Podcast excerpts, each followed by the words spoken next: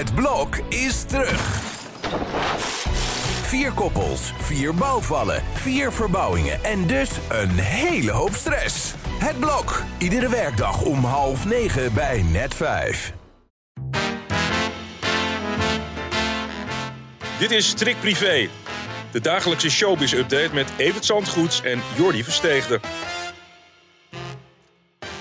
Het dondert en het bliksemt en het regent relatieproblemen in showbizland zo op de valreep van 2022, Evert. Dat is toch niet te geloven? Mensen die net het einde niet halen met de haven in zicht. Ja, ik, ik, de, de meilandjes waren eh, gisteren ineens in het nieuws. Het rommelde al even in Noordwijk. Er was wel eh, duidelijk dat er wat speelde tussen Montana en Dirk. Hmm. En dat werd ook al duidelijk natuurlijk door het feit dat hij ontbrak in eh, de kerstspecial. Maar eh, ja, dat het ineens zo snel ging dat ze nu tussen kerst en nieuwjaar bekendmaken uit elkaar te zijn. Dat was eh, voor heel veel mensen nieuws. Ja. Ja, het is niet de eerste keer hè, dat ze een beetje problemen hadden in hun relatie. Nee, hij is ook al eens zes weken in zijn eentje naar Schotland gegaan om na te denken over zijn toekomst. En dat zijn ook allemaal geen goede tekenen natuurlijk, want dat doe je normaal gesproken samen als je gelukkig bent. En ik vond haar tekst van, ja, we waren acht jaar samen, we hebben gelukkige momenten gekend, vond ik nou ook niet van heel veel hartstocht eh, spreken. Nou ja, ik had Martien, even contact met Martien gisteren, die zegt, misschien komt het allemaal wel weer goed. Maar eh, ja, daar ziet het...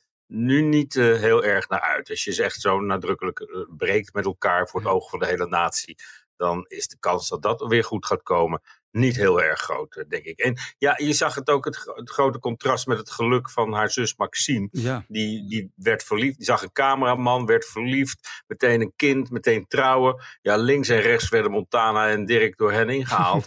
en daar spat het geluk vanaf. En dat viel bij hun eigenlijk wel mee. We waren gisteren even in de winkel bij Montana. Oh. Eh, daar stond ze gewoon, maar daar wilden ze niet al te veel kwijt over, eh, over wat er allemaal was voorgevallen. En ook niet hoe het verder gaat. Maar het is niet zomaar een schoonfamilie die je dan verlaat, hè? Want je verlaat en de camera's en je verlaat natuurlijk gewoon Martien en zo. Ja. Dat lijkt me zo raar. Ja, het is natuurlijk wel een hele nuchtere gozer. Ik denk dat dat hem allemaal wel gestolen kan worden. Nou ja, het is zonde. Ik vind het altijd jammer als mensen uit elkaar gaan. Helemaal in deze tijd van het jaar. Ja, precies. Hey, er zijn ook huwelijksproblemen bij Nielsen, want die heeft wel zijn beauty gebruikt, maar niet zijn brains, geloof ik, hè? Nee.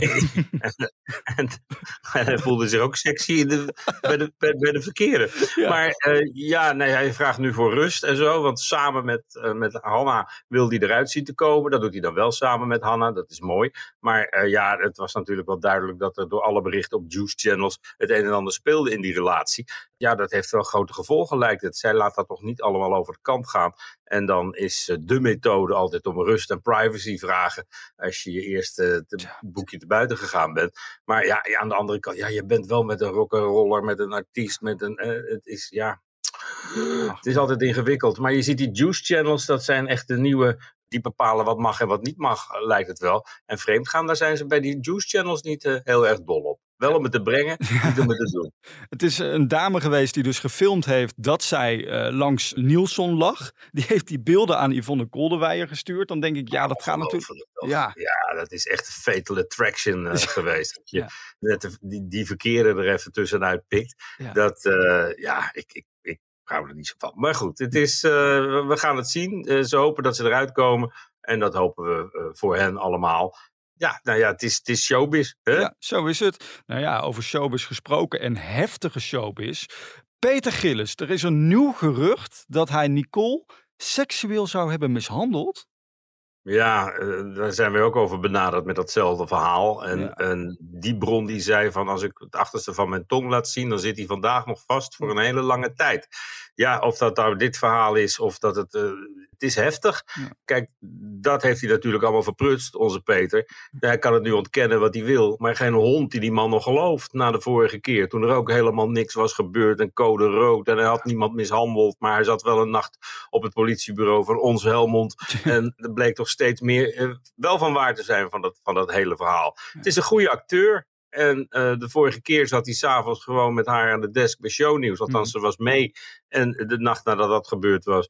En hij kan ontkennen wat hij wil. Maar ik, ik geloof die man nooit meer. En dat speelt nu ook in zijn nadeel natuurlijk. Hij kan wel zeggen er is niks voorgevallen.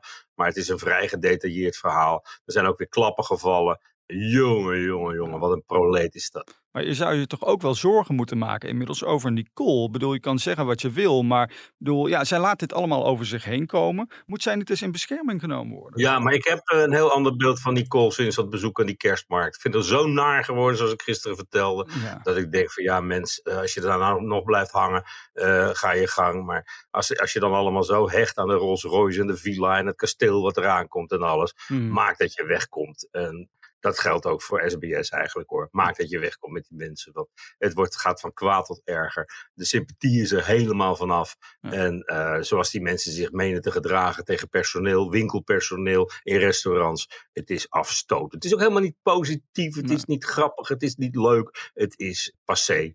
Ja, ja, precies. Nou, er is ook nog een kans dat ze niet weg durft bij hem, hè, doordat hij geweld gebruikt. Dat kan ik me ook maar voorstellen. Maar goed, we, we, we horen daar meer over in 2023, denk ik. Misschien nog wel eerder. We hebben nog twee dagen. Ja, precies. En ook nog twee podcasts te gaan in dit jaar. Zeg, is er dan ook nog mooi liefdesnieuws te melden in Showbizland? Nou, misschien wel, want Monique van André Hazes, die lijkt toch te gaan hinten op een huwelijk. Ja, dat doet ze door die ring te plaatsen. Ik, ik, weet zeker dat er geen aanzoek, nieuw aanzoek heeft plaatsgevonden. Dat is niet het geval. Maar ik Oh. sluit niet uit dat dat wel weer gaat komen. En ja, jongens, als, als je zo vaak bij elkaar komt en zo voor elkaar gemaakt bent als die twee. En daar is Dre langzamerhand nu, geloof ik, ook wel van overtuigd. Dan eh, zit dat er wel aan te komen natuurlijk. En dan is het alsnog eindgoed al goed. Dan is de docu achterhaald als het maar zijn kan. En eh, ja, of ze moeten het weer opnieuw gaan monteren met wel die beelden uit Amerika erbij van eh, afgelopen voorjaar. Ja. Toen het ook al leek dat ze weer bij elkaar zouden komen. Dus ik eh, vind dat de grote uitdaging voor volgend jaar. Er zit genoeg shownieuws aan te komen. En een van die twee is natuurlijk weer André Hazes. Ja. En eh, ja, dat is nu het vijfde jaar op een rij ongeveer dat hij de headlines bepaalt. Want even voor de duidelijkheid, dat hinten van Monique was die ring hè, die ze liet zien op Instagram. Dus ik ben, als jij zegt... ja, Heel dat- subtiel, maar heel duidelijk. Ja. En eh, de discussie en de aandacht, die, die heeft ze weer. Ja. En het zou me ook niks verbazen dat ze die ring gekregen heeft voor kerst. Maar dat is niet een nieuwe verlovingsring. Een pre-verlovingsring misschien. Hierna komt dan de echte verlovingsring. Hey, verlovingsring. Jij Ja. brengt Siebel op een idee. Ja. Ja, precies. Ja, we hebben natuurlijk eh, heel lang het verjaardagsrubriekje gehad in deze podcast. ja, dat is een stille dood gestorven Ja. ineens, besef ik. Er waren niet genoeg jarigen. Nee, en er waren 50 mensen van de redactie die zeiden van nee, laten we dat maar even niet doen voorlopig. Maar ja, vandaag is Marijke Helwegen jarig en dan vind ik gewoon, dan moeten we toch even gaan feliciteren, toch? Ja, zo staat toch ook een fenomeen. 74 wordt ze. Dat zou je, nou niet alles wordt 74. maar eh, het is een, eh, een, ja, een mooie leeftijd om volgend jaar een groot feest te geven in elk geval. En dat zal ze misschien wel eens een keertje doen. Want de vrouw die al die feesten afgeloopt, die geeft er zelf maar zelden eentje, bes- besef ik nu. Dus eh, ja, dat kan volgend jaar wel eens even anders worden. Van harte gefeliciteerd, Marijke Helwegen. Met al je lichaamsonderdelen die vandaag 75 worden. Onze professioneel rode loper, loopster noem ik haar eh, altijd. Want Ja, dat is ze wel. Doet ze goed. Hartstikke goed. Nou ja, wij eh, rollen de rode loper ook weer in en rollen die morgen weer uit voor een nieuwe podcast. Want dan zijn we er weer om 12 uur. Zo is dat. Tot morgen.